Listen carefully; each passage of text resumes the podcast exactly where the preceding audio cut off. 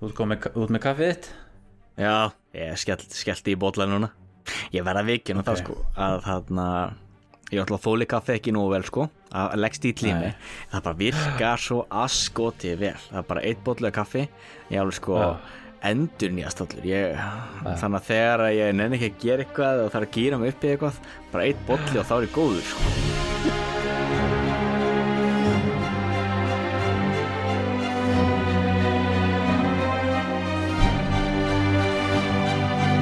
Já, komið sæl, gott fólk og eh, verið velkomin í sögu skoðun með mér Andra Jónssoni og eh, Ólaf Hersi Arnaldsinni, komdu sæl blessaður. Hvernig ætlað þú að fara að kynna okkur inn? já, góð spurning. Æ, mér er svo fínt að láta þið bara gera þetta. Þetta er ágætt svona, nú, nú kynnti ég þigin líka. Já, ennþá betra. Er ennþá betra sko. Já, Herðu, já við erum mættir hér aftur. Þetta er um, uh, Skottgengur högur hlaðarpið Við erum komin upp í þáttnúmer hvað tut- eh, 20 Fimm, 25 Það er aldeilis. Það er skott gengur Skottgengur Við vorum hér í síðasta þætti að tala um landnám Íslands. Um, Mjög skemmtilegt þema. Um, Topic. Og náttúrulega fyrir nýja hlustendur sem er að koma hérna að, að viðtækjónum þá er sögurskoðun hlaðvarp um sagfræði þar sem við Ólafur ræðum um, um sagfræðileg málefni og, og, og söguleg málefni og Já, og líka því við erum náttúrulega bæði náttúrulega að tala um þess að svona sögulega atbyrði en síðan eru líka oft líka detta svolítið í svona sögurskoðun eða historiografíuna Það er alltaf skemmtilega hluti af sakfræðinni það er náttúrulega sagfræði sko. það er náttúrulega munur á sögu og sagfræði Já. það er mjög algengur, mun, algengur miskilingur í í, í hvað maður að segja, orðanótkun náttúrulega er að það er ákveð munur á, á því, saga er náttúrulega uh, sagan af fortíðinni á meðan sagfræðin er, er, er það hvernig við um, upplifum þessa fortíð og hvernig við miðlum henni og hvernig við stúdurum hana Já, og nálgumst hana. Já. Það er náttúrulega lotti frá að vera eitthvað sjálfgefið. Það er Hvernig það. er því það er náttúrulega allavega mismunandi nálganir og, og hugmyndir og, og til og með með þessar hagsmunir og við erum nú að fara að ræða, ræða það eins í dag. Já, einmitt. Við ætlum einmitt að ræða um sko, nú, nú hefur mér stundum fundist við að vera svolítið eurocentrískir Já, í okkar málefnum. Og hérna og þá nokkju vegi aðeins að eh, líta út fyrir álfuna og heimslutan og eh, kíkja á eh, aðrar þjóðir. Og hvaða þjóð ætlum við að tala um í dag, Ólafur? Já, í dag ætlum við nú fyrst og fremst að ræða Japan. Já, Japan er nefnilega alveg stórmerkileg þjóð. Já, ég hef nefnd að hugsa svona, veist ég sem að maður svona skoðar Japan aðeins svona Mm. þá, þá sér maður hvað einhvern veginn það, er svo mikið svona Japan, svo mikið áhuga á Japan í þú veist, í vestrænu samfélagi, eða þú veist, í okkar samfélagi Já, og stundur svona hálgert svona já, bara mjög mikill svona áhuga á öllu japansku oft já meira að segja, kúltúr. ef maður er að horfa á sko menningur, maður getur meira að tala um svona Japans blæti hjá sumum. Jú, Ef maður er að hugsa um allt þetta man manga og anime og... a- ég var að reyna að ára það pent sko ok, ég fyrir bara að beiti það. bara veit ég það, já nei, nei, það er náttúrulega auðvitað manga sem hefur náttúrulega tröllriðið hér á Vesturlundum Já, og, og kynnt okkur fyrir japanskum kultúr. Já, ég, ég þekki nú eh, eitt sem að sem að bara lærði japansku bara á því að horfa á, anime. Já, já. eða svona, eitthvað svona frasa. Já, já, algjörlega. Já, ég hérna já, ég hitti hérna stelpu um daginn sem er sætt uh, í, í tensing heitir það. Það er svona kristilegt uh, svona úlingastarf í kirkjunni. Hún hefur brennandi Já. á suðukóru sko, og K-pop er svo vinsælt í dag. Þannig að hún er Já, að læra kóre sko. Það er líka svona kóre Já. er að vera svolítið vinsælt líka. Já, En við ætlum þó að vera að halda okkur á þessu svæði en við ætlum þetta að vera nú fyrir manga og anime og allt það því við ætlum nú að fara aftur á 19. öld. Já. Sko, mér finnst svona þegar maður talar um sko, mér, mér, ástæð, svona, við, hvernig við byrjuðum að hugsa um þetta en daginn, eða ég allavega. Var þetta sko með að um, við, segja, við við svona þegar maður er ekki ykkur sérfræðingur í Japan skilur, heldur bara svona venjulegur mm. íbúi hérna skilur þá einhvern veginn þekkir maður, þú veist, þessar japansku stereotypur sem við þekkjum og, og svo er það staðrindin um, um sko það að, að Japan fekk á sig þessar kjarnungursprengjur og það var nú verið að minnast þess hérna fyrir ekki svo lengur síðan hvaða voru 75 ár frá, frá því að þeir fengi á sig kjarnungursprengjurnar í, í Hiroshima og Nagasaki. Og það er einhvern veginn svona oft einhvern veginn bara svo það sé öll, öll, öll saga Japan sko fyrir nútíman er bara þú veist Pearl Harbor og svo kjarnungsprengjurnar og svo bara manga og anime. Já, einhvern veginn. Það og er hérna- svolítið þannig og það er svolítið svona auðvitað fyrir, fyrir okkur hérna í vest, inn vestrana heimi skilur sem að, sem að þú veist er, er, er verið að líta á söguna svona góð frá þú veist sjónarhóttni bandaríkjamanna skilur á 20. stöld Já, og breyta út í það að ferði vest, vesturlanda búa á í, í austur, hérna í Kirrahafstríðinu í setni heimstyrjöldina þá er þetta þessi tveir atbyrðu sem, sem standa upp úr hvernig Já. Kirrahafstríði byrjaði og, og svo hvernig það endaði og það er ekkit oft svona sem að mikið er verið að tala um það hvernig hvernig það fór að Japan endaði þarna.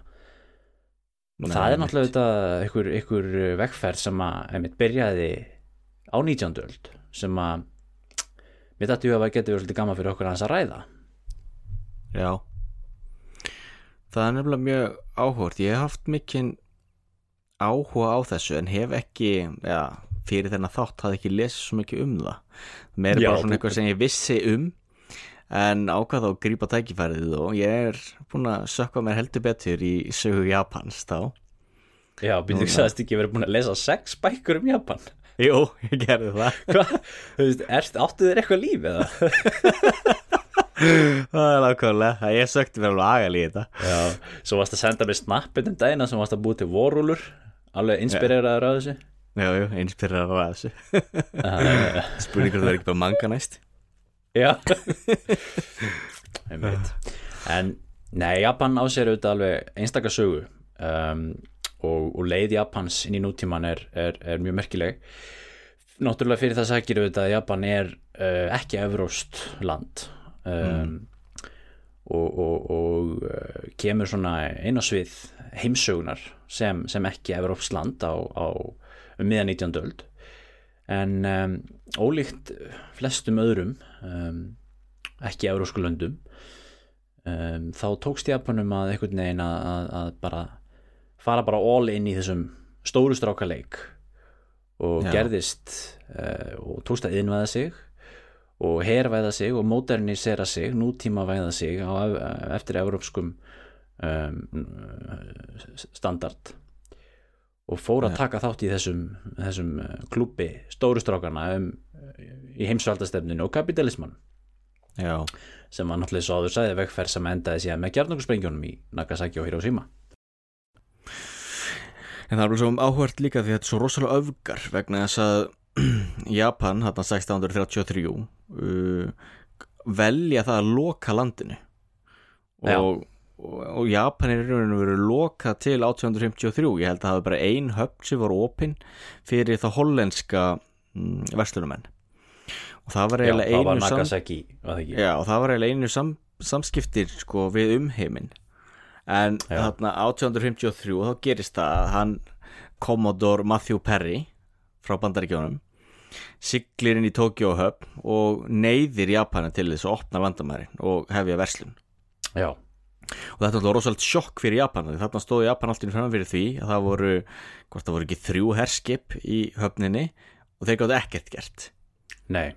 Sko, og bógarnir þeirra og samuræðasverðin og allt þetta var alltaf einskisvirði gegn herskipum bandaríkjumana Já, ef við, ef við stoppum aðeins þú, þú segir hérna 1603 þegar uh, þeir loka landinu. Nei, 1633 Já, 33 Já, þetta er þetta svo kallega Tokugawa uh, tímabil sem er, er hérna sem að, sem að þetta einangruna tímabil og það er auðvitað líka ákveðin svona exceptionalismi í japanskri sögu sem að raunni byrjar þar að uh, þeir taka þess afdreifuríku ákvörðun um að um, já, loka landinu og banna útlendingum að koma og banna Japanum að fara til útlanda.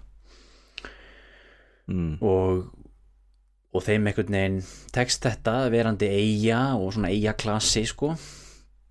Og ég held að sé þannig að ég held að mér skjáttlist ekki sko Jap Japan hefur ekki þeir hafa aldrei verið hernumdir af erlendri þjóð fyrir en bara 1945 en það ekki hjá mér? Jú, það er fyrst skipti. Og, og það var átti þessi stað tviðsvarsinnum að sem sagt Japanir um, fóru í hernaðalegangur uh, yfir hafið til Kóriu það var sko þú veist á sjöttu öld eða eitthvað. Mm. og svo aftur á þú veist 16. öld. Já, eða sko þúsund ára millibili. Og það er veist, þessi tvö, tvö skipti sem að, sem að, sem að veist, Japanir hafa eitthvað verið að skipta sér að öðrum löndum. Þannig að þetta er rauninni mjög svona einangruð saga má segja. Já, mjög svo. Og svolítið hætti líka því mongólarnir reyndu að leggja undir á sín tíma. En já, en hann sá miklu innrásarfloti lendi í rosalegum stormi og var eitt. Og þess vegna var það já ekki úr það er þetta fræga málverk að neða ekki sem að Jú, mjög mikilvægur atbyrður í japanskri sögu. Já, það hvað heitir aftur hérna? Já, er ekki kamikaze eða eitthvað? Jú, ég held það, ég held að, að því það ekki sko guðdómlegur vindur eða eitthvað slíkt já, er það ekki eitthvað svo leiðis Ég held það, maður hefði náttúrulega að fletta þessu upp en, já, já, en allavega þannig að, þannig að þetta er sko þá bakgrunnurinn það er þessi sko uh, exceptionalismi og einangrun. Þannig að en það sem gerist samt er að hérna 19, eh, 1853 byrjar Japan þá að opna sig og í kjölfarið á því séðan á sér stað bylting í Japan þar sem að keisaraveldið er styrt og það er 1868 með þessi Meiji Restoration eða það sem að Meiji keisari mm, það sem að völd hans er raun og veru styrt því fyrir Já. það hafði, hafði hann raun bara verið, eða keisari verið bara svo leiksoppur uh, sjógunna sjógunarnir voru þá einhvers konar lénsherrar eða eitthvað svo leiðis já, já. En það er líka áhört að að svipað að það er sko sama keisarættir sem er búið að vera þarna við völdi í ykkur 2700 ár segir sagan allan. Já. Er það svo sama og er ennþá núna? Já, það hefur bara verið einn keisara. Já, fjölskyldaði eitt. Þetta er náttúrulega svakalegt sko. hann er náttúrulega keisarinn í Japan er hann ekki eitthvað afkvæmi sólarinnar eða eitthvað svo leiðis þjóðtrunni jú, hann er það. Þarna já, þetta er náttúrulega mjög sterkur kúltúr fyrir þessu þarna. Já, sem að skýrir auðvitað ýmislegt. Já, gerir það. En síðan náttúrulega það sem er svo áhugavert er að Japan tókst síðan að byggja mjög stert ríki mjög fljótt. Og þegar þeir loksins að ákveða að opna sig að þá er, voru þeir mjög duglegir að senda Japani út um allan heim til þess að læra af uh, Európaþjóðunum og bandaríkjumanum þannig að þeir með Já. sendu uh, fullt af mjög hæfileikaríkum ungum mönnum til Bretlands held að með og, og hana, til þess að læra af Bretonum þá og, og herma eftir þeim þannig að þeir gátt, gátt þá byggt upp sín eigin flota sendu menn til Þískalands til þess að læra af Þískahernum sendu menn til bandaríkjana til þess að læra hitt og þetta járbrutakerfi verslun, allt þetta og ná Já. á, á sko ótrúlega stuttum tíma að yðinvæðast, en ekki það, það var ekkert átakarlaust því það náttúrulega voru áttu þessi stað uppreisnir og samúræðinir náttúrulega gáfu sér ekkert uh, þegjandi hljóðalaust. Nei, nei, það er þessi fræga mynd þessi fræga mynd með honum honum hérna Tom Cruise.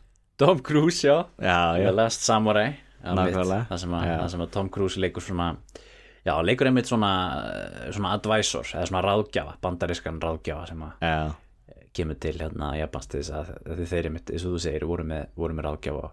Já, Þetta var, eh, vakti mikla aðteklið þessi heimsreisaður að þeir sendu út svona nefnd af um, Japunum, japanskum embetsmönnum sem sem fóru í í rauninni bara svona ringi kringum heiminn, þeir sildu fyrst yfir til Bandaríkjana yfir Kirahafið mm, og, og ferðu svo sagt, þvert yfir Bandaríkin.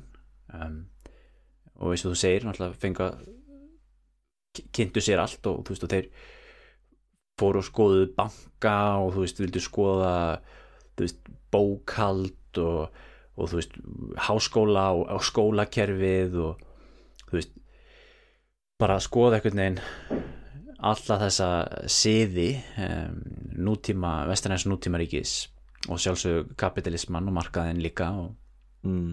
og hérna um, heldur síðan yfir allansafið til Európu og, og síðan áfram um, austur eftir og enduði síðan í Kína sko og Japan já, og vakti náttúrulega- mikla aðtegli og skrifaði með það auðvitað í blöðum hvaðan sem þeim komið og, og hérna, já, já þótti mjög kynlegt fyrir Európumönnum að þessum tíma Já, já. En sér náttúrulega líka, það er náttúrulega hluti af þeim hugmyndum sem þeir kynntust á. Það náttúrulega voru þær eh, hugmyndir sem voru ráðandi á þessum tíma sem náttúrulega heimsvalda stefnan og, og svona merkantilismi ákveðin. Þar sem að uh, stórveldin voru náttúrulega alltaf að leggja undir sér nýlendur áhrifasvæði og þannig verja eigin verslun. Þannig að Japan já. náttúrulega verður mjög litið af þessu og fer að halda þá að þeir þurfi þá að leggja undir sig nýlendur og, og leggja undir sig verslunarsvæði til þess að þeir geti blómstrað.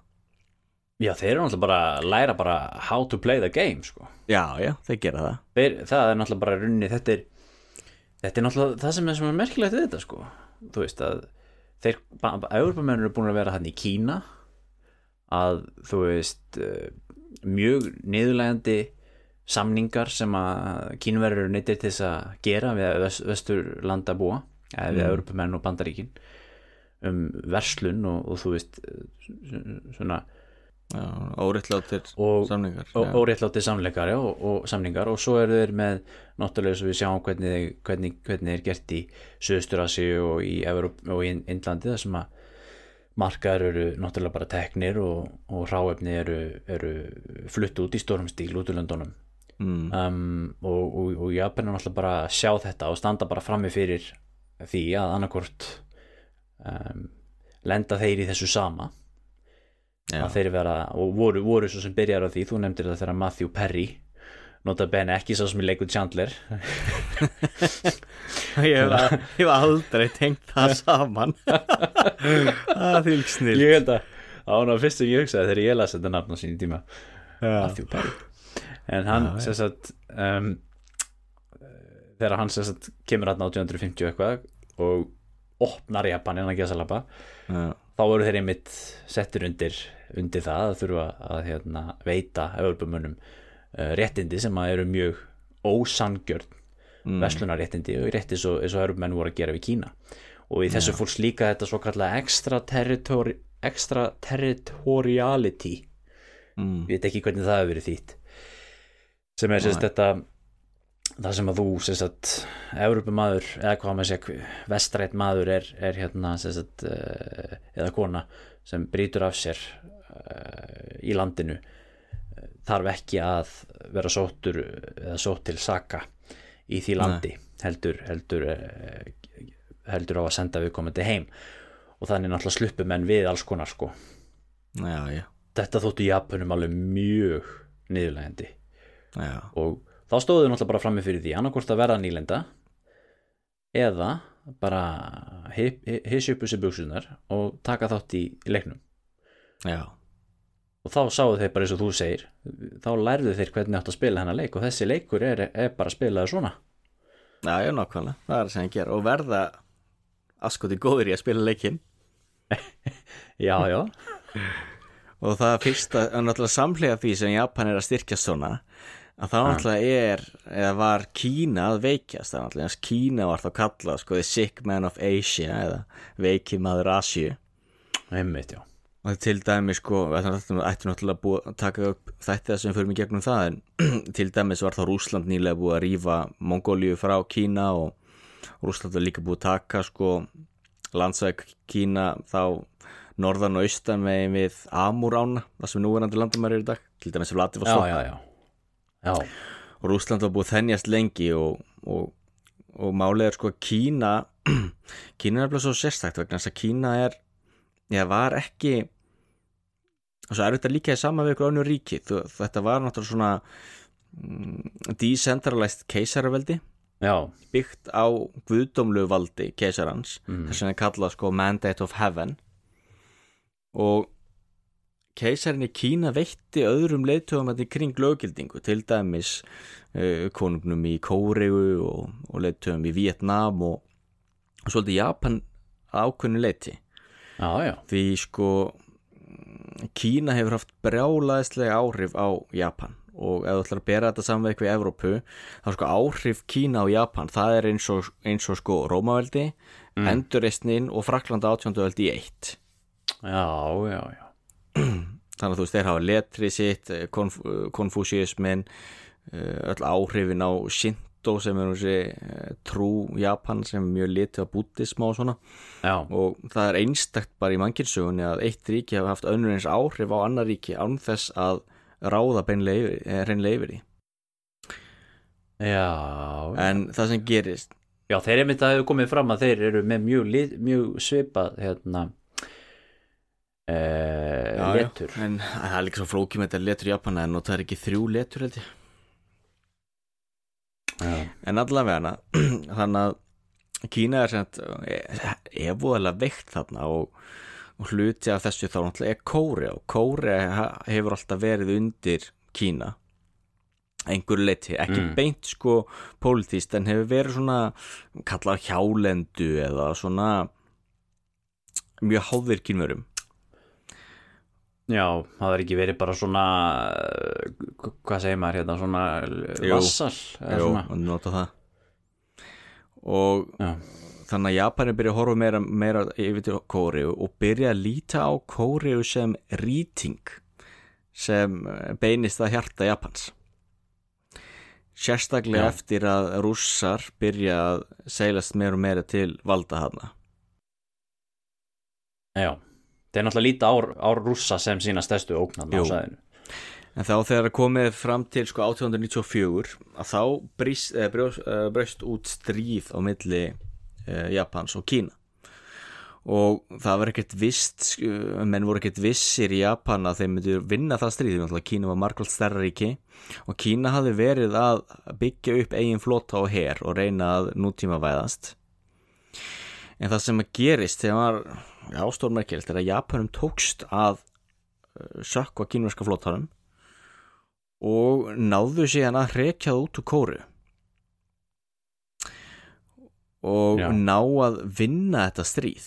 Og þar með uh, já, hrekja Kína algjörl út úr kóru og ná kóru þá í raun undir sig. Já, þetta er náttúrulega mjög svona um, mikilvægur atbörður í þessari uh, í þessum leiðangri þessari vegferð alveg rosalega. Það er þetta, þetta stríði við kínverja um, hvað já, 1894 til 95 Já, já, og alveg já. brjálaðslega vinsælt í Japan. Almenningur var mjög uh, hrifin af þessu öllu saman. Já, og, og þetta var svo mikið sko líka hluti af svona ríkis uppbyggingunni í Japan. Já. því þarna sko voru menn kallarinn í herin herin var þá svona ákveðið uh, verkfæri til þess að auka þá líðræði og jöfnuð ekki kannski endilega í raun en þú veist í orði. Já, og það er vanda, Japan er náttúrulega rosalega stjættaskipti ríki og hefur alltaf glímt við það og glímur við þann vanda enn þann dag í dag en á þessum tíma þá gáttu menn sko haldið á hernum fram sem einhvers konar ídeali eða einhverjur hugmynd þar sem núna voru menn þá jafnir allir voru saman í hernum að berjast við Kína og styrkja japanska ríkið og þannig að borga skatta og ganga í herin það var mjög mikilvæg hluti af uppbyggingu þá nýs Japans. Einmitt.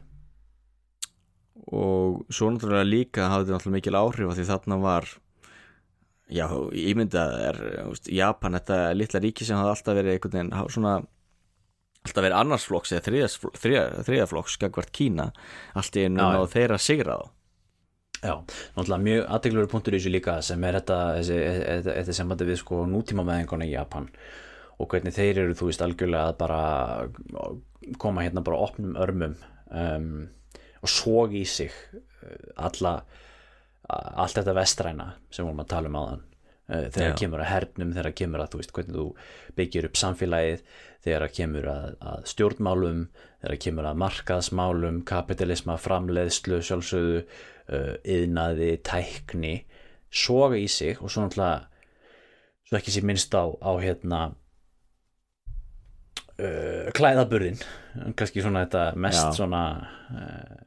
Sjónræna við þetta þú, þú sér það að Japani fara að klæða sig eins og, eins og hérna með stutt, stutt hérna klippa hárið þessu stutt og fá yfara skegg og, og er í, þú veist, jakkafötum og með kúluhatta eins og eins og einhverju svona English gentleman já, já, og, og hérna og þeir á þessum tíma eru þá fannir að líta svolítið á Kína sem sko sem íhald.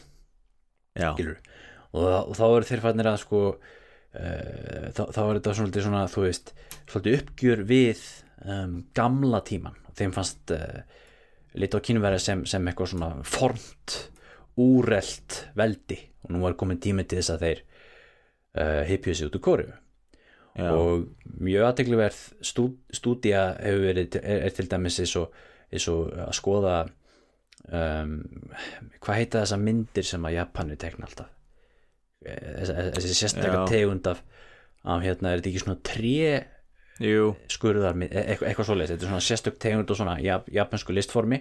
Mjög skemmtilega myndir, litríkar. Talandum, við vorum að tala um kamikaze hérna áðan, það er, er, einmitt svona, er það ekki svona tegund og svona, svona mynd? Mhm. og að, einmitt að skoða aðna, sagt, japanskar um, áróðusmyndir eða myndir úr þessu stríði. Hvernig þeir um, teikna sjálfa sig og svo hvernig þeir teikna kynverjana já, og þá ertu strax komið þarna þetta er náttúrulega hluti af líka einmitt að nútíma veðingunni þú ert komið svona, svona frekar svona mótern stríðsáróðursmyndir svona eins og við í líkingu við það sem maður kannski átt eftir að fara að þekkja jafnvel í sko í Európa 20 stöld sko.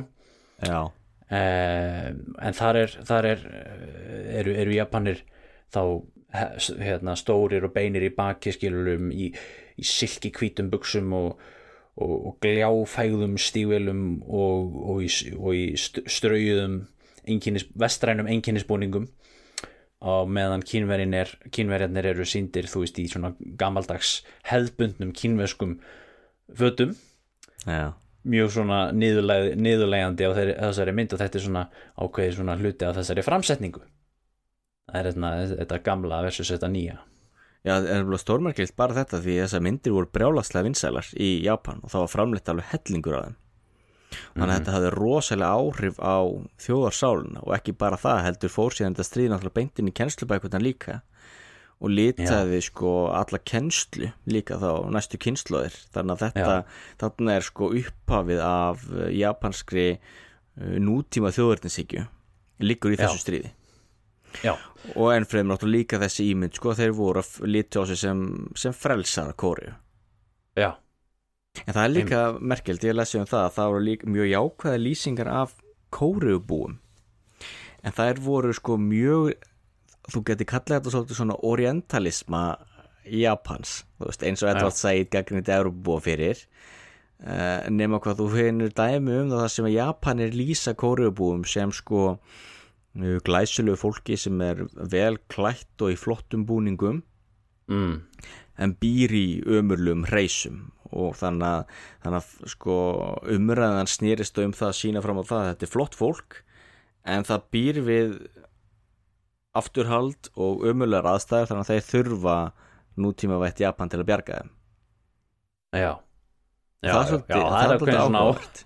það er já, ákveðin svona orientalismi í því já, það er það, það, er það svolítið já, sko. já, já, en, um, en, en það er líka áhugavert við þetta stríð að það létust 11.000 japanski hermenn í því já, og af þeim voru 10.000 dóur sjúkdómum.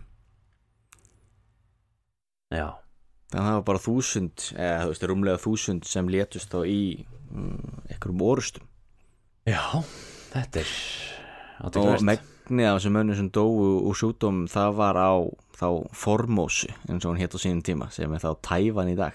Já, einmitt, Formosa. Það sem gerist þá er að Japan á að leggja undir sig Formósu og taka Kóru og friðarsamningurinn þá líkur með því jú, að, að Japanir í raun þá leggjum þessu kóru innlima Tævan og síðan líka hérna Port Arthur eða Dalian held ég síðan heiti í dag. Það er í núverandi Manchúriu Já, hvaðan kemur þetta nafn, Port, Port Arthur sem er alltaf að nota. Ég er ekki alveg viss hvaðan þetta kemur. Nei, uh, hvort þetta sé eitthvað þetta er eitthvað sem að að þetta er sko svona hvað maður Er að þetta kalla ekki verið svona vestræn höfn svona Jú, svona? þetta, þetta var það nefnilega. Að þetta Já. var sko líkillin þá að Manchúriu sjálfri. Já, og, og góð höfn. Þetta er sko nyrsta íslausa höfnin í Austurasju já. Eða á, á meginlandinu þar að segja. Já, hún er norðar heldur en Vladivostok og það. Já, Vladivostok er ekki íslaus. Já, já, já, já, já. Já, já, já. Þannig að, og ennfremur þá fengu Japanir hérna, eða nettuði Kína til að borga rosalega skadabætur Já, Þannig að Japan kom mjög vel út úr þessu stríði.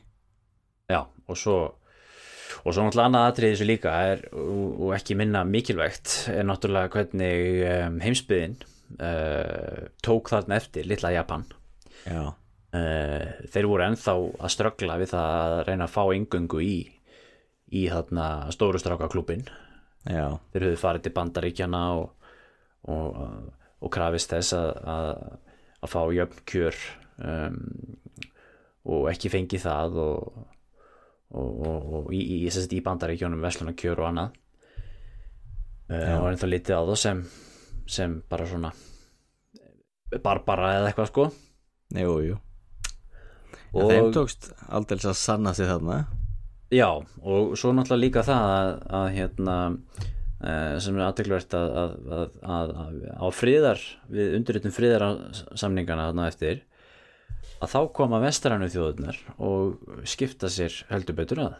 Þær komu nefnilega að þessum sam, samningagerðum eða ekki?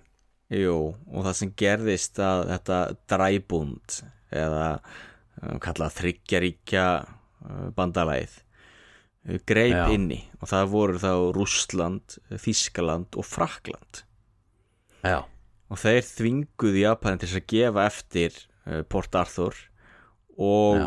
mikið er tölvert landsvæði þarna í Manchúriu og þetta var rosalega mikið sjokk fyrir uh, Japani að þarna voru þeir náttúrulega niðurlæðir já, já. Og mistu þarna mikið af, já, af því sem þeir höfðu sigrað. Já, já, og þarna getur maður auðvitað skil ef maður setur sig í þeirra spór sko. Veist, þeir ætla sér að sko, þeir ætla sér að innvæða sig og modernisera sig og, og taka þátt í þessum leik kapitalismans og, og leggja undir sín ákvæðanaríkin mm. og til þess að vera ekki um, lagð, hvað sem, hvað sem, til þess að þurfi ekki látið minnipokan fyrir vestuveldunum mm. og svo lenda þeir í þessu og þannig að þetta verður þá auðvitað til þess að auka ennþá meira á já, ó, óvelvild vesturlandabúa. Já, að þeir missa meira segja kóru þurfa að draga svo út úr kóru Já, þeir fá ekki að halda þeim landvinningum Nei, ekki og sko eins og fríðarsamlingum var það náttúrulega voru, náður ekki að, þeir voru ekki að innlima kóru eða neitt slíkt, þeir náttúrulega voru að þá að ná ákveðinu svona yfirráðum yfir kóru en það var Já. þá reykið tilbaka og til þess að strá sko salti í sárin að þá nokkrum árum setna þá fengu rússar Port Arthur lýsuðu það frá kínverum og þetta landsvæði. Og síðan byrjuðu rússar á fullu að þennjast inn í kóru uh, hef ég hín og bygg eða sett, halda hann inn með hín og þessi fyrirtækin byrja að höggva við og hef ég einhverja, verslun.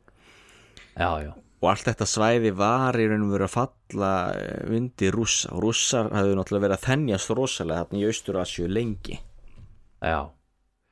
Svolítið aðdegluvert að hugsa, hugsa til þess að, að, að hérna, þú veist einhvern veginn hálfur öld síðar sko þá þá er hérna kóruustríðið og, og kaldastríðið og, og eftirleikur setni heimstyrjaldar en það sem að rússar sko eru að stiðja sína menn í, í norðu kóru Já, að þú veist það, það kemur ekkert úr lausu lofti sko að nei, rússar hafa haft ítök þarna e, Já. lengi.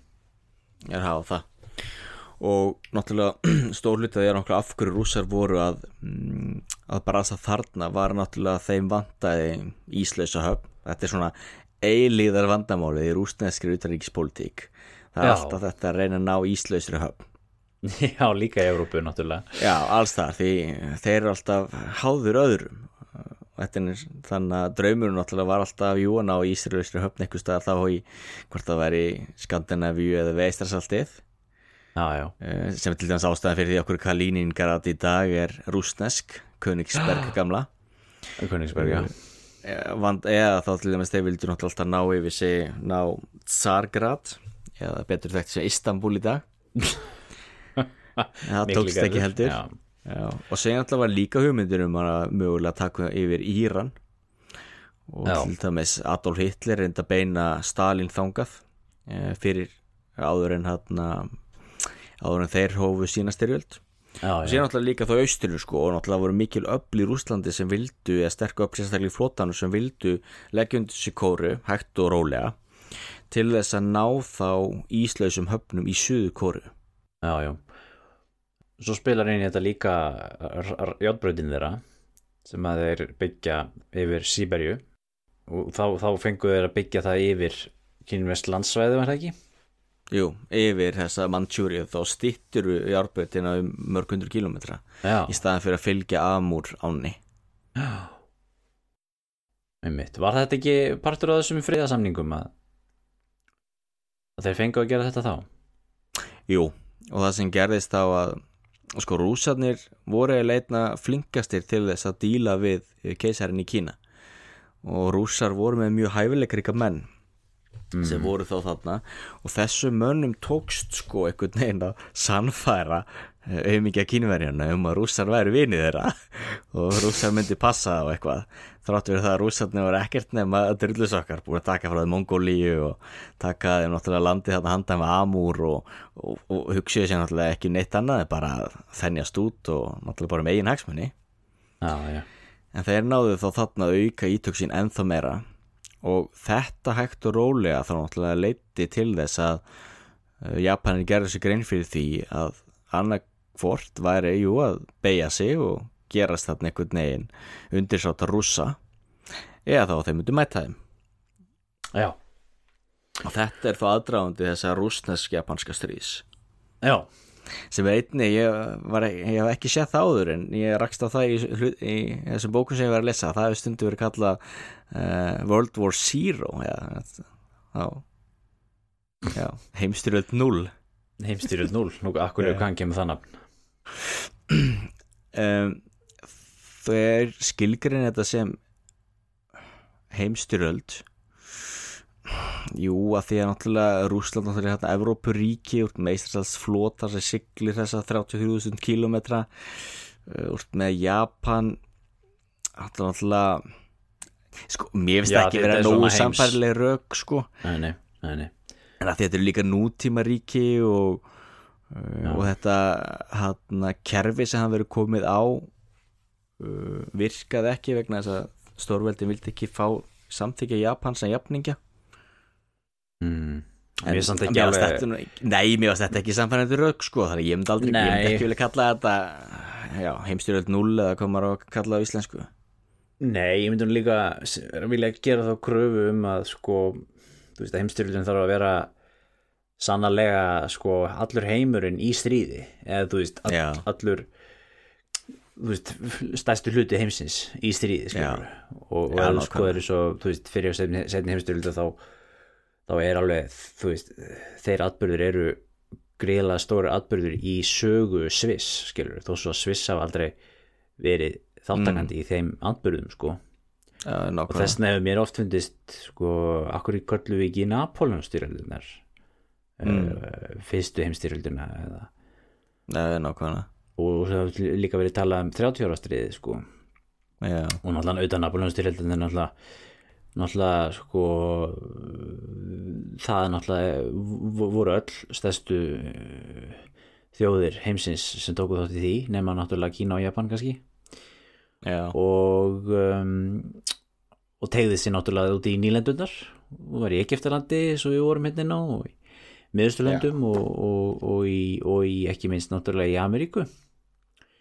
En, en vissulega ekki kannski í Austur-Asíu svo ég sem ég mann eftir Nei, nei, mitt Nei, Já, þarna ertu komið mjög aðteglu dýnamík sem er að þetta samspil Japana og Rússa þannig í Austur-Asíu á kostnað kynveri á, eða svona, á, kynveri er þetta þessi, þessi deyjandi risi þarna en mikið umrótt Já. þarna á þessu svæðu þetta átt eftir að vera eh, náttúrulega bara eh, mjög næstu í stanslega stríðs ástand þarna eh, alla, allan fyrir helming 20. aldar næstu því.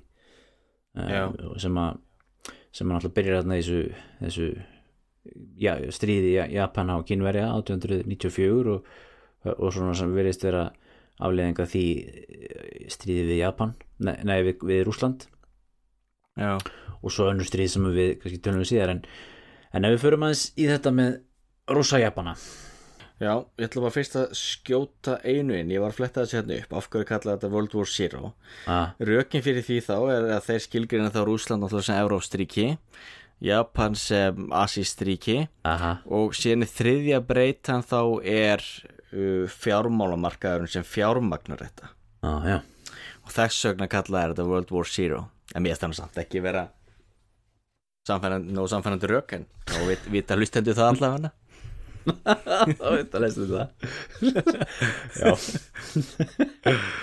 Þetta, þetta stríð er alveg ótrúlega merkilegur heimsögulegur atbyrður Já, vegna það þess. skiptir rosalegum áhrifum. Skiptir rosalega miklu máli og Já. náttúrulega bæði fyrir Japan e, sögu Japans eins og við munum koma að og ekki síður fyrir sögu Rússlands sem að, sem að e, náttúrulega var á þessum tíma að fara að gangi í gegnum gríðarlega breytingar og, og, og sem átti eftir að hafa áhrif á alla sögu Evrópu sem er náttúrulega byltingin í Rússlandi og, og borgarastyrjöldin og, og allt það sem að stríðið uh, í, við Japani aðna 1945 um, átti mikið hluta, hluti í að, í að velta af stað. Uh, í öðru lagi þá er þetta í fyrsta sinn sem að ekki evrópsk þjóð sigrar evrópska þjóð í stríði uh, allavega frá því f- frá því að Evrópa tók að innvæðast og mm. uh, já náttúrulega Já, já, þetta er ekki, já, þú veist hvað ég meina á, þessum, á í tíma á þessum tíma innvæðingar og, kap, og kapitalisma og kolonisma Já. og, hérna, heimsvaldastefnu já. já, og jú, það hefur náttúrulega verið eitthvað dæmi og það er ekki alltaf þessi frægur dæmi um hann að Zulu stríðin og eitthvað sem að gengur illa fyrir breyta já En- já, en þetta er þarna samt svona- orðstan, eh, eða Khartoum. Já, Þarna einmitt. já, en En það, það, það er svona dæmi um kannski meira svona já, einstaka þætti sem að líka eru má líta á kannski sem þú veist svo slís sko, eða hvað ég segja skilur þú veist bara svona Já.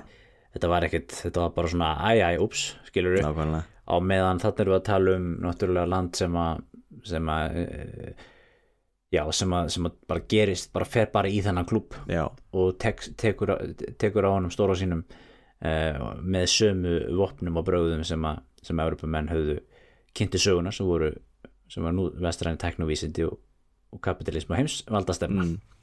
og þetta var rosalega innblástur fyrir uh, náttúrulega politikusa og sjálfstæðissinna þá í Asju til dæmis þarna faðir, faðir Kína eða kínverskar já, nútíma Kína uh, ég man ekki hvað hann heitir handlíðans var rosalega var fyrir rosalega áhrifum á þessum. Sukarno til dæmis, Indonésiu já, Uh, hann var, hann talaði líka um það hvað þetta hafði mikil áhrif á hann. Og Já, margir sko í Vietnam og, í Indlandi líka Gandhi hafði líka orð Já. að tala um það hvað þetta hafði mikil áhrif á hann. Já, ég menna ég myndi að þér að þú sést þarna í, já, Vietnam og að ströggla við franskar eh, franska nýlendu stjórn mm. eða á Einlandi ströggla eða, eða í Burma að ströggla við breska nýlendu stjórn og, Já, og þarna sérðu asíska þjóð bara sparka í rassina og stóru eurósku veldi, þetta er gríðalegur inspirasjón mm. en það sögðu Japani það líka sjálfur að þeir náttúrulega vildu vera leiðarljós uh, Asíuríkja já, og Asíu þjóða já, já, uh, þegar kemur að því að sparka í rassina á Európumönnum já. og, og það er náttúrulega það sem að átti svo eftir að gerast í setni heimstyrjöldinni náttúrulega. Já. En þessi ákvörðun að ráðast á rússa var heldur ekkert tekin uh, var ekkert léttvægileg því uh, Japan alltaf gerði svo grein fyrir því að þeir voru ráðast alltaf þarna á rúsneska björnin sem alltaf var rosalega stort og öflugt ríki. Já, þannig að Japanari til dæmis reyndu að semja við rúsa eins og við gátu. Mhm, og síndu rosalega mikla þólmæði uh, gagvart rússum.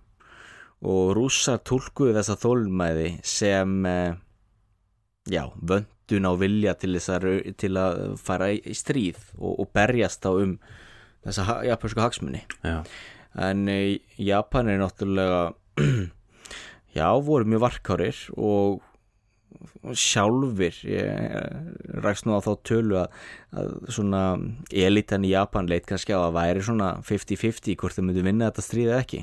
Já. Hvað hérna, hver voru svona, svona konkrétt ástæðuna fyrir því að þeir fóru í þetta stríð? Eða þú veist, hvernig, hvað var það sem að þeir voru í raunin að berjast um? Já, það var útþensla Rúslands og ógn við Japan með því að rússar voru að vinna að því að, að taka undir sig Manchúriu og Kóri og voru líka var að segja með Kúrilegar og Sakhalín eigu og, og, þá byrju sérstaklega Japanir að líta þá á Kóri sem þennan rýting sem væri beint að Japan. Og yrðu þessu Var það þetta það sem þeir höfðu verið að ræða, ræða um í aðdraðandunum að þessu stríði sem að síðan umræðu, viðræðunar duttu niður, það var um, um þessi um atrið þetta, já og voru að reyna þá að koma að ykkur í samkomulagi. En uh, rússar voru alltaf að pressa meira og meira. Og þeir líti á sig náttúrulega sem svona já, stóri strákurinn sem gætt já, svona nokkuð en gert sem þeir vildu þarna. Já, já, náttúrulega þeir náttúrulega trúðu því aldrei að þeir myndu að Japani myndu geta haft upp í hárinu nei, en það á pappir náttúrulega var Rússland mikið sterkara. En það sem var líka stór hluti að þessu að vera rússarnir náttúrulega vanmáttu Japan alveg rosalega. Þannig að rússarnir náttúrulega fyrst að ég heldur að Japan myndi aldrei ráðast á þá og ennfremi heldur að ef Japan myndi ráðast á þá þá myndi rússarnir auðvöldlega sigra þá. Já, já, en svo er aðtekluður hlutur í þessu líka. Já, sem er það að sko þeir gera þessa árás uh, með uh, tundurskeita svona, svona tundurskeita árás á flotan í höfninni í Port Arthur. Já. Þar sem að flotin liggur við Akkeri.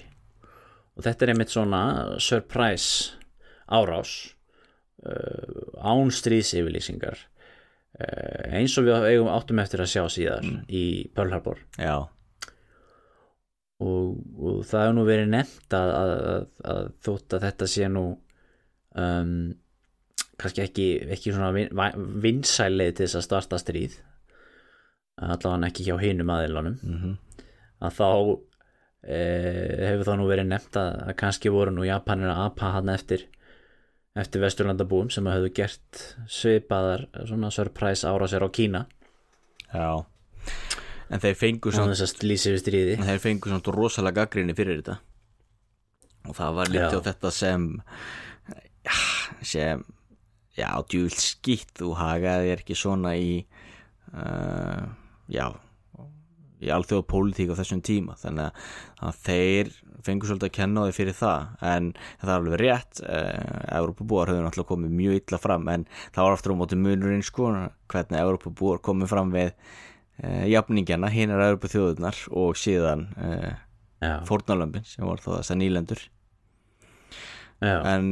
Japan er náttúrulega ráðast þarna á rúsa án þess að segja neitt og svo árás náttúrulega tókst mjög vel. Þannig að þeir ná að sökva að skipum og, og loka inni mm, hluta af af kyrrafsflótanum í Port Arthur.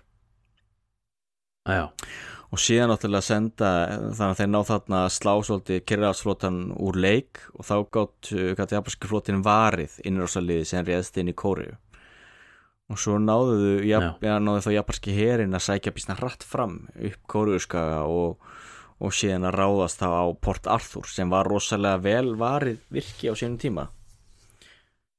Já, einmitt. Og, og krafðist sko rosalega mikil, uh, mikil að fórna af hálfu bæði náttúrulega Japana og Rússa. En já, Japana náttúrulega misti mjög marga menn í þessu stríði. En það sem var líka erfitt og, og það sem að uh, sést mjög glögglega í, í þessu stríði var að Japan náttúrulega var alls ekkert nógu stert til í raun að há svona stríð því Japan hafði ekki yðnað og bólmakt til að halda þessum hersínum úti Þannig að þeir Nei. gátt til þess ekkert ráð þegar það þáttu verið þeir sigurulljum sem rússana í mikilvægum orustum þá gáttu þeir ekki uh, fyllt eftir sigurinnum þeir höfðu bara ekki höfðu ekki skott, skottfærið þeir höfðu ekki sprengjur og búnað og þeir höfðu bara ekki infrastruktúrin til þess að ná virkilega að þurka út þá rússneska herin Nei, ok.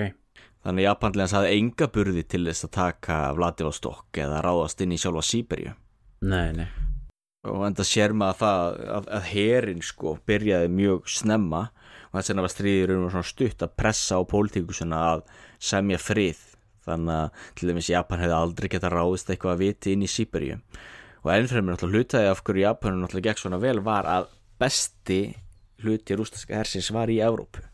Já, já, þannig að eh, rússarnir voru með sína já svona annars og þrið, þriðaflokks menn í Manchúriu og síðan í í þá Austurasju já, nákvæmlega.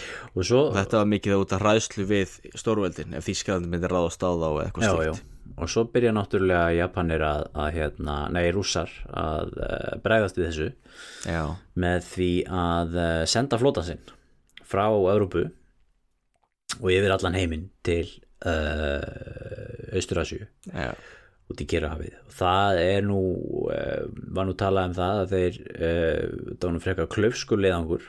Já, þeir sendu þarna nokkur sendu þarna flota frá, frá Eistrasalti og þeir lendu, lenda í því strax í á leiðinni að skjóta á bresk skip. Alveg ótrúlegt. Uh, hald, haldandi að þeir séu Japanir eitthvað staðir í sko við Kattegat eða eitthvað, hérna hjá Danmörku og þar já. og bara svona fiskiskip þeir voru bara Ma- einhverjir aumingjan sjómenn að veiða já, það já, já, já, já. því lít glúður og maður. rússarnir heldur að þetta væri sko japanski Og- tundurspillar sem væri þarna eitthvað á milli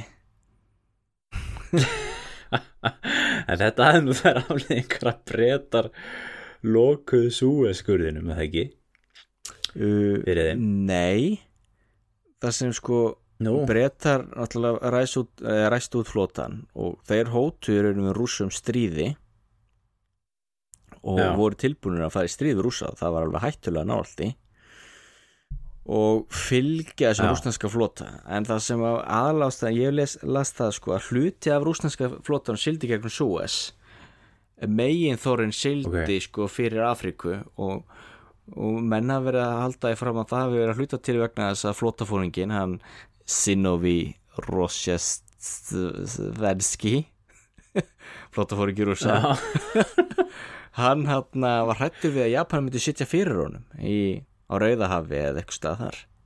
Ah, það var já, mjög já, skrítin það annað Já, en þeir sigla það þetta 33.000 Já, kilometra en hann það áhvert, ég las nefnilega bók sem fjallaði bara um þetta þennan leðangur já, er hvaða bókur er það eftir?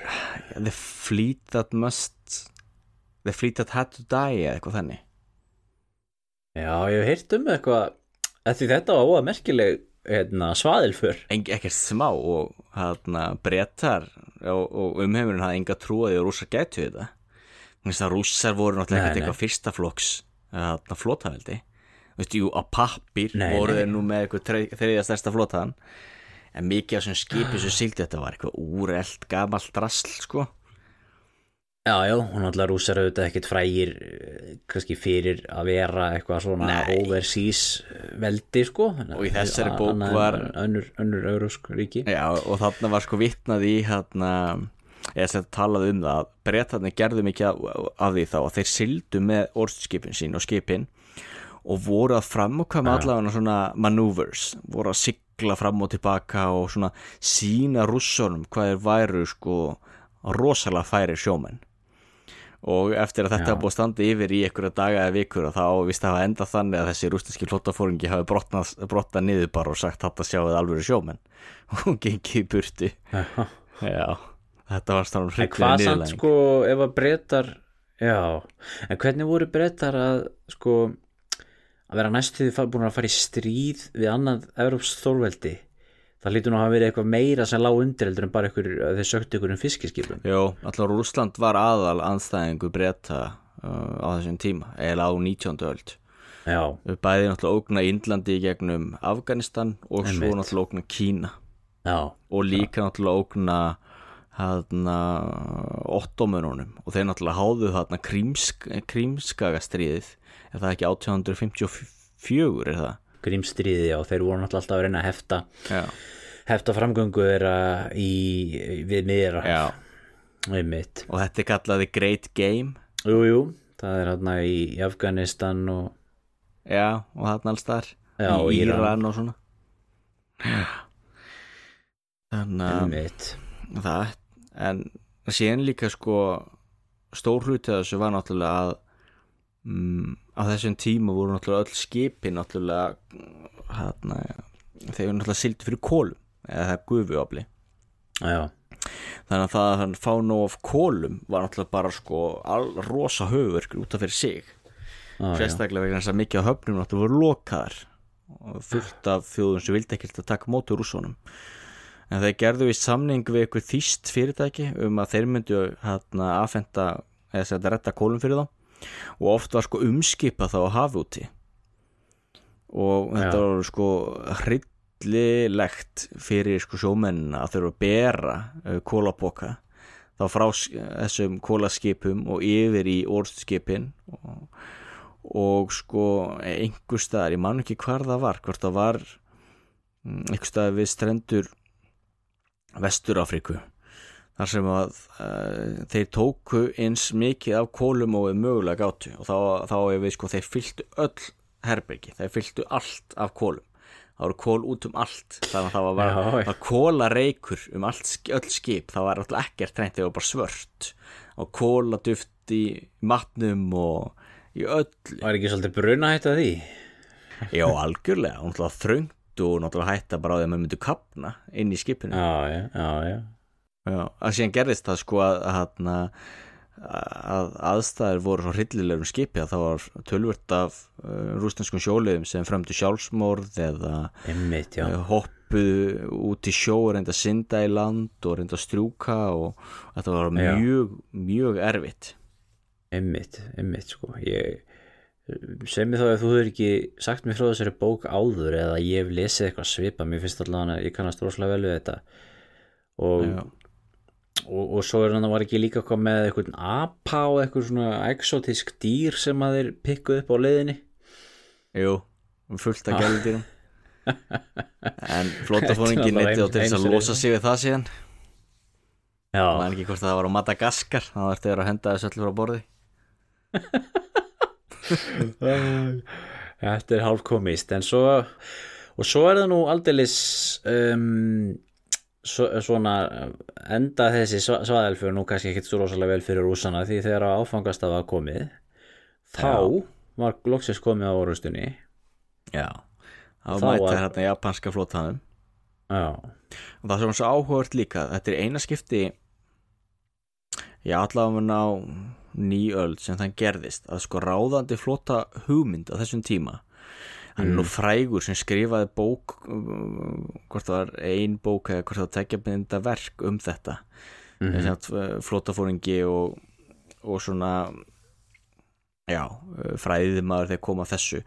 Hann held í fram sko að þá á þessum tíma í nútíman, nútímana þá 1904 eða hvernig sem þetta var gefið út að stórveldin myndi þá há eina flótárustu þar sem að allt væri lagt undir já, og þetta er eina skipti sem þetta gerðist því þetta gerðist aldrei aftur en þarna vor þá uh, rúsneski flótin eiginlega allur og japanski eiginlega allur sem mættu hver öðrum og háðu þarna rosa sjóurustu og það sem Já, gerðist er var náttúrulega að japananir uh, söktu rúsneska flótan já.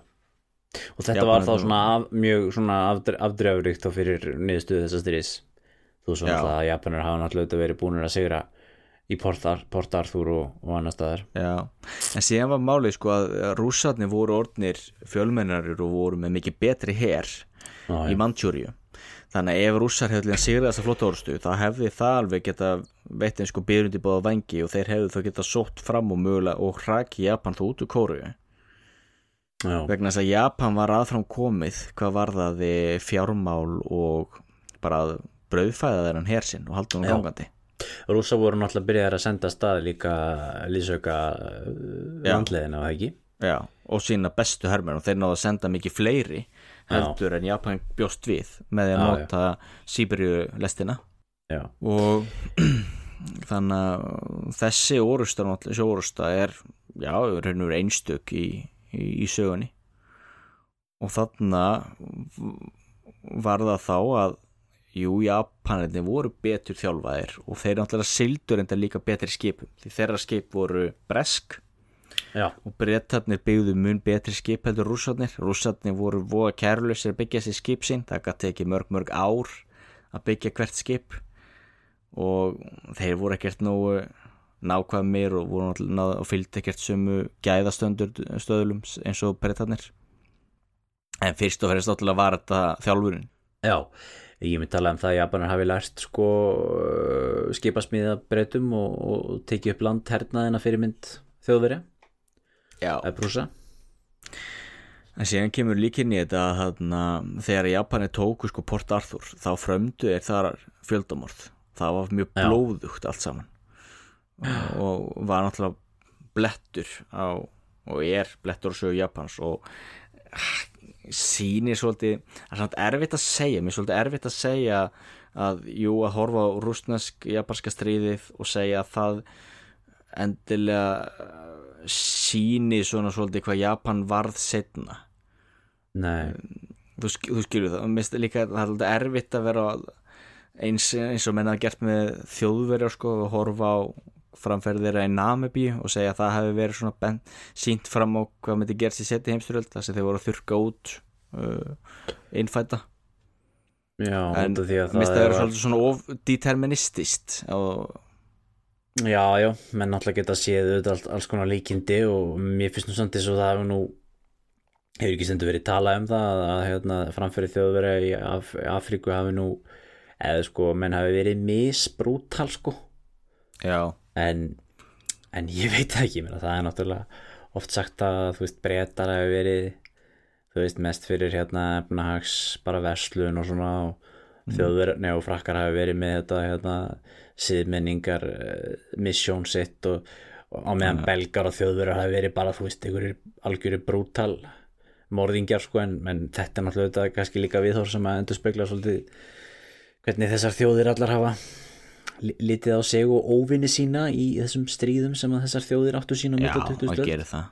Þetta er eins og, það er líka tema sem við ættum að taka eitthvað tíma, hérna bor stríðið í Suður Afríku Já, það Já. til dæmis hérna voru fyrstu uh, nútíma fangabúðirnar og það voru, voru reistar að breytum og breytar drápuð þarna, myrtu þarna fleiri þúsundir hvenna og barna. Þetta er svona, ég menna, þeir lærðu, þeir lærðu af vesturlandabúum já, já, þeir gerðu það en ekki það, ekki það samt að náttúrulega fjöldamorð og ofbeldi er náttúrulega ekkert eitthvað sér vestrænt fyrir brið sko. En Nei, nei, kannski alls þetta svona að um, að fara í stríð leggja undir sig önnulönd í þeim tilgangi að komast yfir mannauð og hráefni til þess að knýja uh, markaðinn sinn og inn framleiðslu sína. Það Já. er það sem að Japani lærðu af, af Európamunum og voru að gera þarna í Kóriu já, Já. Gengur meira segja það langt að þeir náttúrulega byrjuðu að íta sérstaklega undir líka landnám og eins í já hvetja fólk til þess að flytja þarna. Mansjúriða náttúrulega er kannski e, miklu skýrari dæmi um þetta sem við kannski munum tala eins betur um setna sko, en þetta stríð um, uh, við að rússa það endar þarna í árið 1905 já, um, þar sem að uh, Japan er nú komið í þá góðu stöðu að þeir gátu fimm árum síðar uh, innlimað kóru algjörlega sem, sem hluta af japanska keisaradæminu. Já, og náttúrulega sem ég kom hérna inn á aðan þá náttúrulega þetta greiðarlega áhrif á einanríkis máli í Rúslandi og í rúsneska sögu því að þarna var um, hafði þessi atbyrður um, spilaði hann inn í uh, byltingunni í Rúslandi árið 1905 þar sem að já, sosialistar og kommunistar og anarkistar uh, og aðrir uh, stjórnaranstæðingar uh, gerðu uppreist gegn keisarunum þar í landi og var nú reyndar barið aftur mjög uh, með, mikilli, með, með harðari hendi uh, sem átti, átti var, var atbyrður sem að, að var gríðarlega mótandi fyrir það sem átti síðar eftir að gerast í Rúslandi 1917 Já, en þessi Nei. atbyrðu var líka rosalega mótandi fyrir uh, Japan og uh, Jú, jú. japanska innaríkstefnu Já, því það sem gerðist er jú að þeir þáðu þetta bóð, frá honum uh, uh, Theodor Roosevelt fórseta bandaríkjana um að halda til bandaríkjana og, uh, og, og ræða málinn þar og, og upp og í og hvað var að segja uh, eftir þær viðræður þá skrifaði náttúrulega undir fríðarsamning þetta í Portsmouth. Já. en uh, sá fríðarsamningur var eiginlega var skotið niður í Japan. Eh, þannig að sko fjölmiðlar og almenningur lítu á þennan fríðarsamning sem algjör svik svik við herin og svik við já, fórnir þjóðarinnar. Því að já, sem Japanir fengu út úr þessu var jú en áðan að hrekja rússana út úr þá Kóreu og eins og þú sagðir þeir náðu sem leggja þá undir þessu Kóreu setna en þeir og náðu helmingnum af Sakalín já, en þeir náðu ekki sko eins miklu landvinningum og almenningur var eiginlega búin að láta sér dreyma um og ennfrem náttúrulega borguður rússar ekki skadabættur Nei, eins og þetta gert. sko já, en þetta kostaði sko Japanin kostaði þetta sko 30 sinu meira heldur en kínastriðið og þetta Já. kostaði sko alveg brjálaðislega mikið en það var að þannig sko að uh, Japan hafði verið ekki bólmagt til þess að fjármagna þetta stríð mikið lengur. Þannig að þeir voru mjög uh, uppteknir að því að reyna að koma á friði sem fyrst Já, Þannig að þetta hafði ró, feiki áhrif í Japan og ítti þá undir eða styrti herinn og pólitíkusar margir náttúrulega mistu mikið álit og maður getur alveg séð að þetta hafi ítt undir sko svona já, ákveðna hernaðastefnu í Japan. Já, sem er sem er svona svolítið svona þróu næstu áratuga í Japan. Uh, svona ennþá meiri svona and vestræn uh, sentiment. Já, og, uh, og ennþá stærri stórveldist tilbörðir í, í Austurasíu sem að já, já, opna markaði. opna markaði. Og enn fremur náttúrulega þá náttúrulega gerði þetta Japan þá náttúrulega að uh, stórum strák þarna í Austurasju Já, og þarna fyrst og fremst náttúrulega byrja jú Európuríkin að líta á Japan sem ekki alveg jafningja en eh, mjög nálætti já en það kannski kemur líka svolítið kannski þarna tíu árum síðar þegar Japanir taka þátt í fyrir heimstyrjöld Já, þá eru samt- Japanir orðnir kannski svolítið jafningjar en það voru þeir náttúrulega þar uh, svona svolítið eh, skringilega komnir í lið með góðu gæjunum en að geða salappa. Það er að segja sigurvegurinn í fyrir heimstyrjöld uh, bandamenn. Já, já. Sem er pínu En svona þeir hluti skjör við þessu. gangsögunar. Já, en hluti af þessu líka sko hræðslan við Rússland og líka Já. sko The Great Game þá mellir Rússlands og Englands leti til þess að Japan og England voru band, Japanir og Englendingar voru bandamenn á þessum tíma. Já, já, og frakkar og rússar voru bandamenn. Og þýs Já. þjóðverðarnir voru svolítið svona hvetja Rússland til þess að horfa þess þarna austur. Já, já, já, já. Og þetta er náttúrulega mjög aðdegluvert þetta, þetta svið um, fyrir heimstyrjöldar sem kannski ekki alltaf er svona fyrsta sem mennum dettur í hug þegar menn hugsa um fyrir heimstyrjöld sem er, sem er sérst, mm. fyrir heimstyrjöldin austur í austur í Asíu. En uh, Japanir uh, gengu til liðs við uh, bandamenn og, og lísti við stríði gegn þjóðverjum strax bara í upphafi, bara í bara ágúst eða júli í 1914 bara strax í byrjun. Já, komu meira sinni í stríði talsvert á undan Ottomanríkinu. Já, og og það má segja að þar hafi þeir uh, Japanir, það sem þeir gerðu þar var að þeir uh, fóru þarna í uh, gerðu innrásinn í nýlendur þjóðveri í, hvað var það, í Nýju Genju eða okkur eigjar jú, Bismarck segir til dæmis. Já, og, Bismarck. og svo takaði líka flótastöðina þeirra í Kína. Já, já, já, Shandong já. uh, Sky. Og þetta var mjög svona um, árangusríkt gekk svona Mm. frekar smurt fyrir sig náða, já, náða að klára þetta bara vel og, og tókst svona í svona einu svona uh, í, í einu höggi að, að slá þjóðverja út í Asíu ekki þess að það hafi verið neitt eitthvað svakalegt asíst veldi sem þeir hafi verið með en, en einhvað það síður einhvað síður svona, þetta er svona líka hefur svolítið symbolist vægi þú veist það er þessar þú veist fyrir, það. við, við þekkjum náttúrulega versalasamningarnir og saga Evrópu í tengslum við Mm. um, uh, fall Þískalands 1918 eða tap Þískalands Mm. í setni heimstjöldinu og versalasamningarna og uppgjöru við það og það sem að mm, stór, svona einn ein, ein af því eitt hluti við, við það var, var, var voru þessar nýlendur þjóðverða sem þeir mistu og, og þar, þar á meðaluta eru allar þessar eignir þeirra í, í Kyrrahafi og í Asíu sem að, sem að, sem að Japanir tóku þarna út fyrir bandamenn. En það er líka við fórum spólum aðeins tilbaka að uh, í rústensjapanska stríðinu og í fríðasamningunum að þá ef maður horfður á bandaríkin var uh, rosalega stuðningur við Japan í bandaríkjunum. Og bandaríski Já. fjölmiðlar heldur mjög lofti uh, þá hvað var að segja, jú, hagsmunu Japana og sjónamöðum Japana. Og því það var líka rosalega sko rússa andúð í bandaríkjónum á þessum tíma. Og það náttúrulega miklu leiti náttúrulega vegna þess að það óhefum mikið af uh, náttúrulega rú- rússneskum gýðingum sem hefðu flúið til bandaríkjana undan uh, ofsóknum. Og bara mikið af jú rússum sem höfðu flutt frá Rússlandi. Og Rússland náttúrulega var rosalega afturhalds bákn á þessum tíma jú, jú.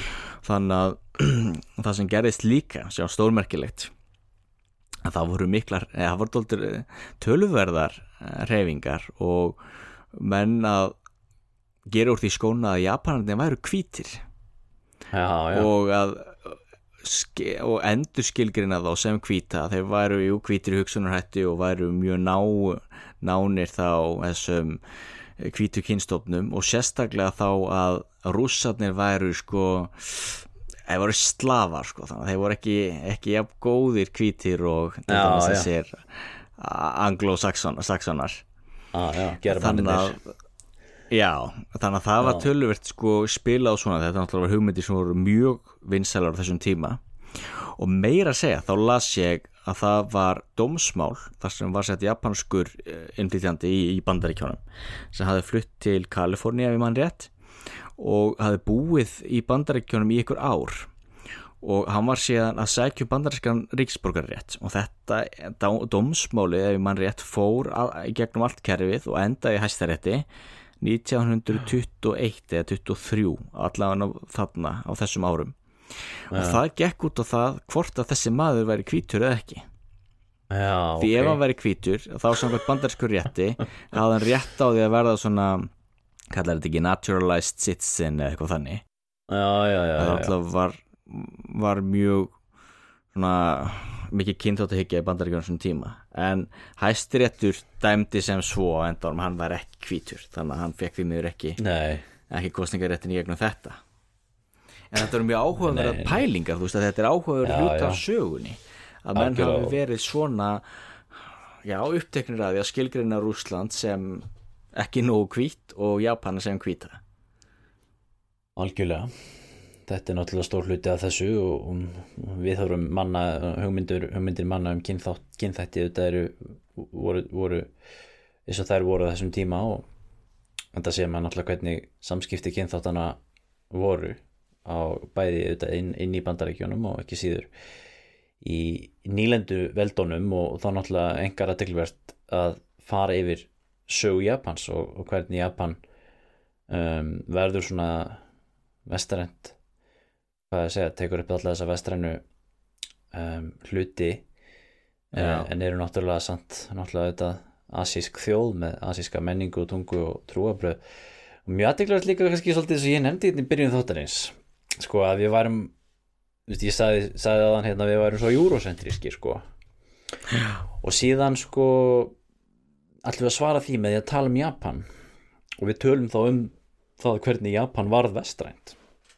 Þetta er náttúrulega þetta bara ef þú lítir á þetta með svona þú veist þessum glerum þá er, þá er rauninni þessi nálgun okkar líka eh, í rauninni ennþá eurocentrisk. Já, já, hún er það. Hún er það sko Þannig að seg, það er ekkit- það er líka, þannig ég hef nú sagt áður að mannkinn saga náttúrulega er saga Evrópu. Kannski ekki mannkinnsagan en allavega svona saga, þessir, til dæmis til dæmis bara eins og ég nefnt þú veist, fyrsta uh, sögulega ártalið sem við vitum að rétt það er uh, í Indlandi, það er Alexander Mikli og innrásin hans. Veist, Já, saga eru sunnan Sahara.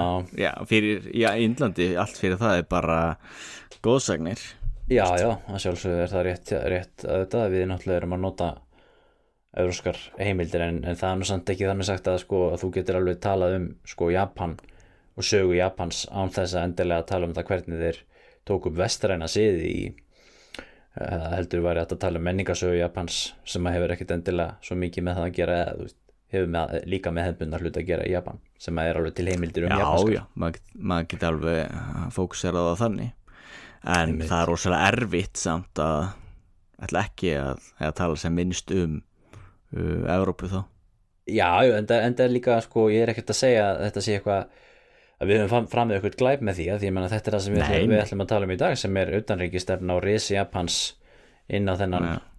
ma markað heimsveldana sem að endaði síðan í setni heimstyrildinu þetta sem Já, er alltaf það aðteglega verða við þetta að þessu liti ég, Já, já, og ég aðlásta fyrir okkur ég er að nefna að þetta er jú vegna þess að ég náttúrulega sé það í mikið af háskólum á, í, já, í tölverta háskólum í dag er voðaleg andstaða við eurocentrisma þar sem menn eru þá að reyna að eh, draga sem minnst, eða draga sem mest úr því og þú náttúrulega lendir þá í frekar erfiðum aðstæðum því hvernig ætlar þá annars að tala um sögu Afríku til dæmis? Eða sögu Ég- Vietnams eða Indonésiu eða hvað það er Já, já, en þú kannski gerir það þá með því að sko fjalla um sögu Indonésiu ekki sem, ekki út frá forsendum uh, samskipta Indonésiu við Európu heldur á þeirra eigin forsendum. Já, já, maður getur reynda, en samt uh, þú kemst aldrei fram hjá því að sagfræðin eins og við yðgumana er evróst fyrirbrið það er fyrsta þjóðin sem skrifaður um sagfræði er, eða voru gríkir allar aðrar þjóðir. Eða undantekning kannski frá Kína, ég þekki ekki nógu vel sko sögurskoðum þar en til dæmis að þú ber saman uh, sögur eða sett sagfræði er, ég myndi að vallega þetta kalla það sagfræði en allavega það sem svona sögulega heimildir sem til dæmis Egiptar og Persar og aðra þjóður skrifu uh, það er ekki sko narratífa eins og gríkirnir skrifu Nei, nei, þannig að við meira sér þú að hefur sagt að þetta. genre eða þetta sko genre er Já, evróst já, en sko þú, þú, hva, hvað með að segja bara sko hérna ég ætla að uh, skrifa sögu Japans uh, og til þess ætla ég að beita sagfræðilegum vinnubröðum þú veist, ég ætla að beita heimildaríni og, og ég ætla að beita þú veist, hlutlægni og ég ætla að uh, safnað mér mismundi he heimildum og ég ætla að stúdera þær eins og, eins og sagfræðingar gera. Uh, meðvitaður um uh, sjálfa sig og meðvitaður um uh, samfélagið og á þeim tíma sem þú ert að stúdera allt, allt, allt, allt þetta bara framstu guttunum en notar kannski sko japanskar heimildir sem ekki endilega snúast um samskipti Japans við Evrópu mm. þá myndi ég segja að það væri ekkert eurocentrisk svo saga. Og þú getur alveg gert það að nota japanskar heimildir til þess.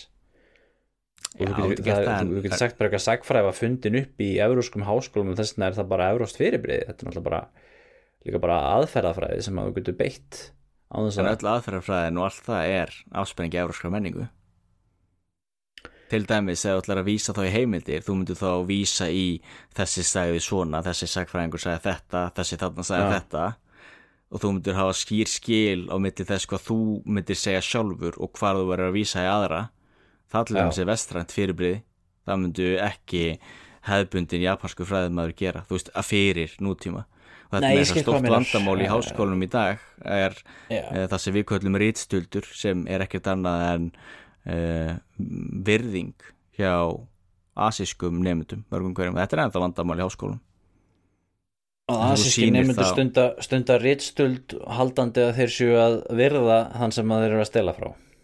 Já, vegna þess Já, að já. þú vísar þá í einhvern fræðimann eða einhvern eh, mjög, já, einhvern mikilvægan uh, mann þá í þessu uh, já, á sínu sviði og þá reynur þú sko að endur taka orðans nákvæmlega. Og þannig að veita þeim uh, auki vægi og gildi.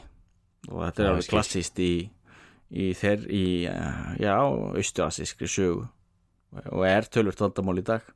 Og ég hef Já, mér heyrt talað um til háskólum í Oslo og þetta sé vandamál með nefndur en sko það er líka spurningu sko með modernisering eða sko nútímavæðing uh, að taka upp fræði og vísindi og tækni.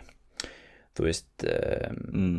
þú, þú sér þetta líka eins og bara til dæmis sko við Íslendingar þó svo við séum hvít og kristin uh, eins og aðra þjóður í Evrópu Mm. að þá gengum við líka í gegnum greiðlega þjóðfélagsbreytingar á þú veist 19. öld og við tókum upp sko siði um, vísin, eða maður að segja tækni og og klæðaburð skiluru, Já, sem var tískan í Evrópu. Og menn fóru að stunda vísindi um, á annan hátt heldur en hefði verið gert áður. Þetta var gert í öllum löndum. Uh, Mm. rússar skáru skeggið af bójurunum og vildu klæðast uh, eins og menn voru að kl- klæðast samkvæmt tískunni í Evrópu sem að mættu nú kalla líka bara nútímavæðingu sko Já, og þetta er náttúrulega bara það sem að veist, Japanir gera líka veist, er, er eitthvað eiga vesturlandamenn eitthvað þú veist, enga leifi á játbrautum skilur, er þetta ekki bara verkfæri, bara góð tækni sem að þú getur nýtt þú getur ekki bara sagt þú sést að nútíma veða þig skilur, þú veist, ekki endilega vesternísera þig. Mm. Það er náttúrulega stór umræða hvort að þetta séu, þú veist, tvær liðar á já, saman pening eða nútíma væðing og uh, vesternisering. Og náttúrulega svo en já. Já, sko ég er ekkert svona gaggrinn út í þetta en hann það bara, veit það veist, ég sé það og verið að lesa það að það er líka tölveri ströymar í hinum þessum háskólum sem eru til dæmis bara vega að henni vísendalegu aðferðafræði og vestrænum vísendum og líta á þetta sem bara nýlendustefnu. Og eru þá að reyna að halda á Já. lofti sko til dæmis í Suður-Afríku það var vídeo sem var, var væral og var dreift uh, töluvert þar sem að uh, nefndu við einhvern háskóla voru að vega að vísindum og voru að halda þá á lofti ykkur skonar já sem við myndum kalla bara galdra og eitthvað slíkt. Eitthvað mjög er sérstakt. þetta er nú verið eitthvað mjög sérstakt. Þetta er alltaf mjög svona postmodernistist hvað sem það er uh, uh, hvað að segja? Í, ja, öfgar. Já, já, já, já, hljóma nú hljóma nú þessu okkar bullshit bara. En auðvitað, þú veist, það alltaf finnst til eitthvað sem heitir hinn uh, hvað óhlutræði heimur. Þú, þú, það til sko náttúrufræða til járn í jörðinni og hvað það er og, og það er bara að finnast ákveðna aðferðafræði til þess að vinna til þess járn og búa til járnbrautir. Og Já, það er bara, svo, svo einfalt er það það er ekkert eitthvað sem er bara búa til það er ekkert eitthvað, eitthvað hugmyndasmíði eða hvað það er. Nei, nei, nei, nei, nei, og náttúrulega þegar þjóðið byrja að taka upp svona teknir þá náttúrulega breytir það samfélaginu og, Já, já, og ég náttúrulega hef ekkert uh, fyrst ekkert vandamál. Og náttúrulega aðdóðanverk hvernig Japanir hafa sko tekið nútíma væðst og samhliða því aðlegað sínar uh, sína menningu að, að því og hvernig þeir hafa gert þetta mikið á þeirra eigin forsendum. Já, en, en ég held að Japans menning hafi breyst mikið við að taka upp nútíma hætti að sjálfsögðu, Já, en það gerði líka menningar Evrópuþjóðana. Það er það sem ég er að segja líka, þú veist að við Íslendingar hættum líka að uh, búa í moldarkofum og klæða okkur í, í, í fött sem að við klædum okkur í fyrir innbyltingu og við hættum Já, já, líka að algjörlega. trúa á alls konar þjóðsögur og hindurvitni og, og, og, og fórum að skiluru þannig að þú veist, allar þjóðir gengu í gegnum gríðarlega menningabreitingar líka Japan. Já, já, já, þannig allar hafa gert það. Og náttúrulega hluti af uh, nútímanum er að uh, já, hvað við segja? Jú, taka upp nýtt hugafar og, og breytast að einhverju leiti en það náttúrulega líka vegna að menning náttúrulega er eitthvað sem er stögt á hreyfingu og breytast. Veist, það er ekki Já. til eitthvað menning sem er kjur nei. þannig séð, veist, það er alltaf einhverju breytingar og verða fyrir áhrifum frá hinnu og þessu það er bara eðlilegu hluti hlutur, algjörlega, algjörlega. Þetta er, þetta er skemmtilega umræður og, og hérna uh, virkilega skemmtilega saga uh, Japana um, við vorum komnir að í narratífunu vorum við komnir upp að fyrir heimstjöld og ég held að sé ágætis punktur til þess að staldra við og, því að hér Já. verður ákveðin svona vatnaskil í þessari sögu sem að Japanir eru núna odnir mjög um, já, orðnir mjög nútíma vættir og, og komnir hérna í stóru stráka klúbin, það má alveg segja það. Uh, eftir fyrir heimstyrjöld og þá eiga Japanir uh, setja Japanir við sama borð og stórveldi Evrópu og í versölum og, og hérna og taka þátt í að uh, að tekna upp hérna nýju heimsmynd og, og, ekkert annað uh, ekki evrópst land fær aðgang að því borði. Nei, nei. Þannig að þetta var mjög aðteglugur staður, ég held að við kannski stoppum hér eða ekki? Og um, höldum áfram þessari sögu, hér er næsta þetta af sögurskoðuna, því við ætlum aðeins að halda áfram að skoða sögu Japans fram að kjarnökur sprengjónum Já. en það ekki? Jú, við ætlum að gera það. Það verður mjög áhugavert að halda áfram með þetta.